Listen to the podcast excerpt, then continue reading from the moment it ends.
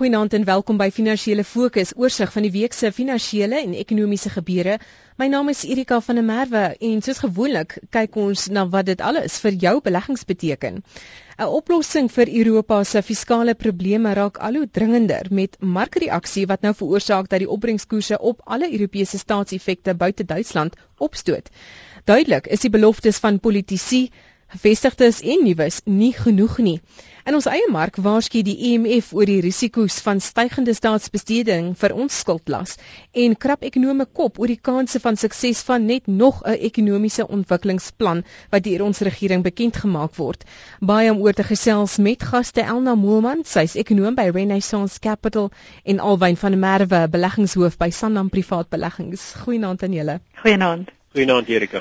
So Europa bly maar interessant en soos ek sê die die situasie wat nou uitkring ons sien nou selfs die lande wat met redelike gesonde fiskale situasies, hulle staatseffekte begin nou ook die simptome wys. Elna? Ek dink dit is 'n 'n baie moeilike situasie waarin hulle op die oomblik is vir 'n verskeidenheid van redes. Een van hulle is natuurlik die fiskale posisie van baie van hierdie lande, maar 'n ander is natuurlik ook die feit dat jy 'n groot klompie lande saamgegroepeer het met baie verskillende eienskappe en wat oor die laaste 10 of 20 jaar redelik verskillend um hulle besigheid bedryf het. So jy probeer nou al hierdie goed samehou met 'n gesamentlike wisselkoers, gesamentlike monetêre beleid ten spyte van al hierdie verskille en ek dink dit is regtig die onderliggende probleem. So dalk sal ons in hierdie ronde um, of in hierdie siklus nog kan deurgaan met 'n euro wat wat op die ou einde nog bestaan aan die einde van hierdie siklus, maar ek dink langer termyn is dit is dit 'n onvolhoubare situasie en en een of ander ander oplossing sal gevind moet word om hierdie onderliggende probleme aan te spreek. Die probleem natuurlik is dat solank as mens hierdie onsekerheid het oor wat presies gaan gebeur en hoe hierdie situasie homself gaan uitspeel oor die volgende jaar of dalk 2 gaan mense impak hê op op vertroue en dit is baie belangrik in terme van besighede se uh, bereidwilligheid om te investeer. So ons dink aan ons eie situasie waar ek dink investering maar nog steeds teleurstellend gaan bly deels as gevolg van hierdie groot onsekerheid. En dan is daar natuurlik ook 'n implikasie vir wisselkoerse waar ons nou die rand redelik swak sien. Ons sien hy reageer elke keer as daar meer onsekerheid in Europa is en on, ons moet verwag dat hierdie situasie vir ten minste die volgende 6 maande gaan voortduur en en dalk selfs 'n bietjie langer alwen 'n hele klomp interessante punte wat Elna daarso uitwys, maar wat vir my interessant is, 'n aanvanklike punt oor Europa. En mens wonder in in die goeie tye kon hierdie situasie van die lande wat so saamwerk werk, maar nou dat dinge nie meer so gesond en so gemaklik is nie, nou begin die krake wys. Ja, Erika, dit is my baie interessant. Politici spesifiek was baie huiwerig om enigstens te praat rondom die moontlike opbreek van van die Europese Unie. En dit was interessant dat Vrydag vir die eerste keer het meneer Manuel Barroso wat die president van die Europese Kommissie is en dan eintlik maar die regering van die Europese Unie is, het hy politici gemaanig sê as julle nie in die volgende 3 weke net was nog interessant dat hy tyde aangekoppel het nie in die volgende 3 weke iets aan hierdie katastrofe gaan doen nie, kan die euro as 'n betaalmiddel verdwyn. En ek dink dit is die ding een van die goed wat die markte waarskynlik die meeste teleurgestel het is dat die sloering waarmee politici te werk gaan rondom ekonomiese krisisse want dit is niks anders as 'n ekonomiese krisis nie. En soos die uh, politici die kant toe en daai kant toe beweeg, natuurlik beweeg markte uh, saam met dit en dit dra maar net eenvoudig by tot daai onsekerheid. Wat ek dink daarom positief is vanuit 'n politieke oogpunt is dat lyk of in Griekeland en in Italië uh, tegnokratiese regerings oorgeneem het en hopelik gaan hulle die wat dit dan betref gaan hulle probeer om ten minste ehm um, by die uh, plan te hou uh, wat daar gestel is en dan natuurlik ook wat laat in die week gebeur het is dat dit duidelik was dat daar ook verskille is rondom die die Europese sentrale bank se rol tussen die, die siening wat Duitsland het en die siening wat Frankryk huldig. So dis alles politici wat ek dink die goed redelik beduie uh, rondom die ekonomiese ding, maar ek dink wat belangrik is is dit wat Elna gesê het. Die krisis uiteindelik bly 'n ekonomiese krisis. En ons kan nie sien dat Europa 'n resessie gaan vryspring in onder hierdie omstandighede nie.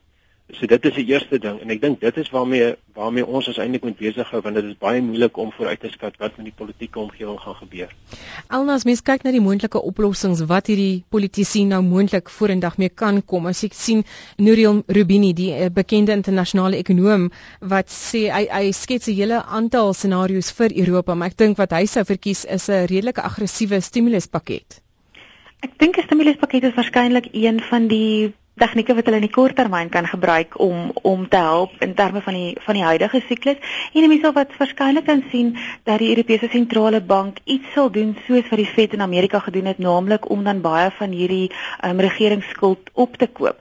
So dit is een van die maatskappe wat ek dink kan help in in hierdie siklus, maar ek dink nog steeds dat 'n mens sal moet soek na verdere oplossings vir die langer termyn. Ek dink dit gaan jou hoogstens help in die kort tot medium termyn. Baie interessant uh, Elna as ek by jou kan begin hoe Amerikaanse probleme nou maar baie klein lyk in vergelyking met die Europese probleme. En in die afgelope 2 weke dink ek uh, lyk Amerika al hoe meer soos die moontlike redder vir hierdie ekonomie met redelike goeie ekonomiese syfers. Ja, en ek dink wat veral verblydend is is dat hulle arbeidsmark so 'n bietjie beter begin lyk. Dit was natuurlik altyd die faktor wat ons die meeste dopgehou het in terme daarvan om te sien wat medium en te langer termyn met hierdie siklus gaan gebeur en of daardie um, ekonomiese herstel dan nou volhoubaar sal wees. Ek dink een van die faktore wat die Amerikaanse situasie makliker maak is dat daar die hele politieke situasie is makliker om saam te werk as wat dit byvoorbeeld in Europa is met die verskillende regerings, verskillende lande, verskillende sienings. Ek dink dit maak dit so bietjie makliker vir hulle om hulle probleme aan te spreek. Alwyn Marius Kloppers, die uitvoerende hoof van BHP Billiton wat in die week met hulle jaarvergadering verwys het na die hulpbron mark hulpbron siklus en sy vrese wat die impak hiervan kan wees op hulpbronpryse, die wisselvalligheid wat ons reeds sien. Ja, Erika, dit is natuurlik iets wat geweldig moeilik is om vooruit te skat. Dit is my interessant dat Marius uh, ook verslag hier die kommer deel want jy sal onthou dat hulle nie lank terug nie het hulle oor die 12 miljard dollar spandeer om Petrohawk te koop. Met ander woorde dat jy kan tog duidelik sien dat sy langer termynsiening 'n positiewe een is vir kommoditeitspryse. Maar ek ek dink op die kort termyn gaan dit vir my amper meer oor beleggersentiment. Die Engelse term wat gebruik word is dat is die risk on trade aan. Met ander woorde is mense bereid om risiko te neem sodra positiewe makro-ekonomiese gegevens uitkom en lyk dit of die marksentiment positief swaai en dan alles wat risiko bevat on, insluitende kommoditeitspryse gaan op en as die teenoorgestelde waar is gaan kommoditeitspryse af. So jy kry groot skommelinge op die oomblik. Nie hoe ons daarvan hou om te kyk is maar bloot is kommoditeitspryse hoog in terme van sy langtermyn reële geskiedenis. En as jy na die kommoditeitspryse in die algemeen kyk, is hulle op redelike hoë vlakke nou ten spyte van die feit dat dit in baie gevalle al met omtrent tussen 25 en 30% gedaal het van sy hoog onlangse hoogtepunte af. So met die pryse wat hoog is en uh, skommelinge in nuus en dan spesifiek wat ons ook laat in in die week gekry het is dat daar maar kommer is rondom die eiendomsmark binne in China. Kan jy verwag dat daar op die korttermyn dalk 'n bietjie daling in die in die kommoditeitspryse kan wees waarmee ons worstel is nie die kommoditeitspryse self nie, maar net eintlik die prys van kommoditeitsaandele, want hoewel kommoditeitspryse soos ek gesê het gedaal het, is hulle eintlik nog in 'n langtermyn geskiedenis hoog, maar die kommoditeitsaandele verhandel teen baie aantreklike vlakke. So jy daai teenstrydigheid wat ons altyd moet opweeg wanneer ons portefeuilles bou. Alna, dit alles baie groot implikasies vir 'n land soos Suid-Afrika wat so 'n groot hulpbron uitvoerder is.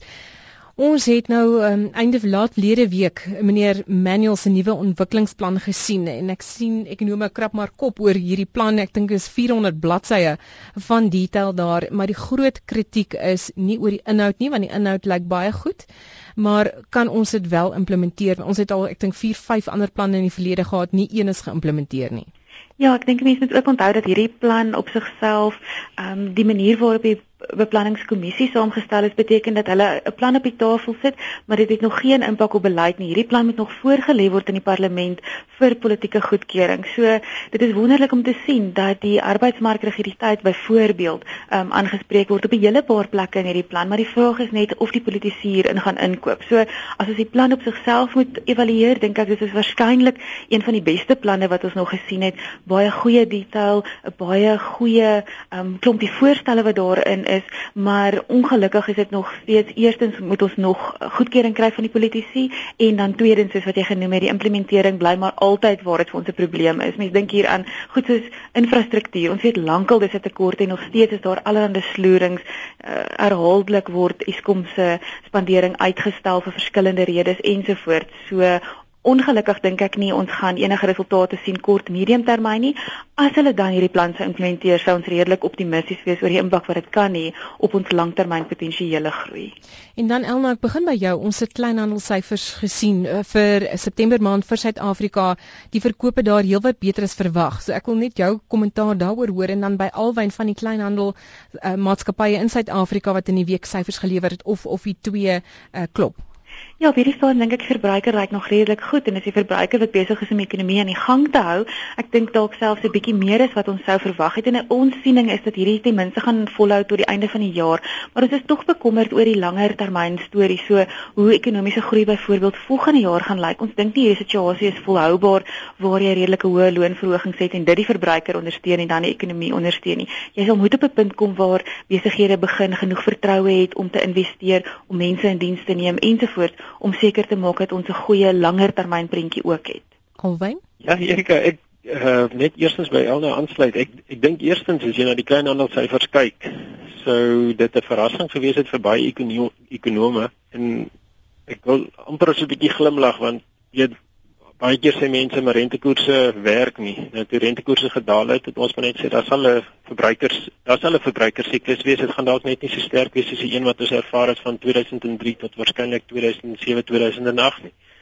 En dit het gekom en en daai syfers sterk en dit is baie interessant as jy nou sien hoe dit ook deurwerk na na die maatskappye toe wat eintlik maar vir jou sê wat op die grond gebeur.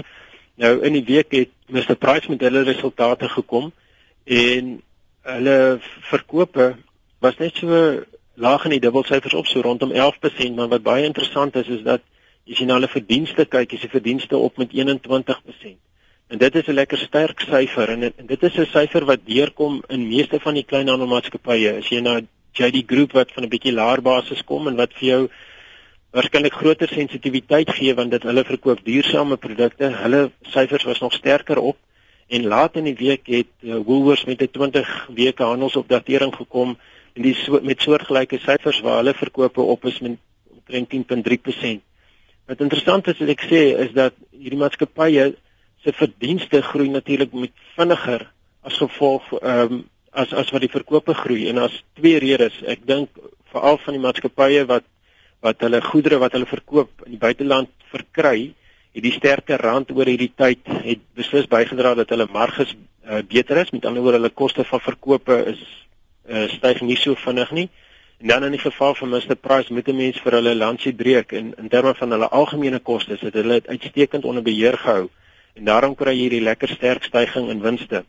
Wat jy ook kry in in baie van die kleinhandelmaatskappye, jy gaan dit definitief in Woolworths kry en jy kry dit in Mr Price is dat die kapitaalvereistes van hierdie maatskappye is nie sterk nie. So wat jy nou kry is dat die kontant wat hulle genereer deur hulle verdienste word lekker uitbetaal in in in vorm van groot dividende aan beleggers. En dis miskien 'n algemene punt wat ek wil maak Erika is dat baie mense was besorg oor die maatskappy winste um 'n jaar terug en ek dink as jy mense in die algemeen na maatskappy winste kyk, veral vir kleinhandelmaatskappye natuurlik, is dit beter selfs as wat mense verwag het.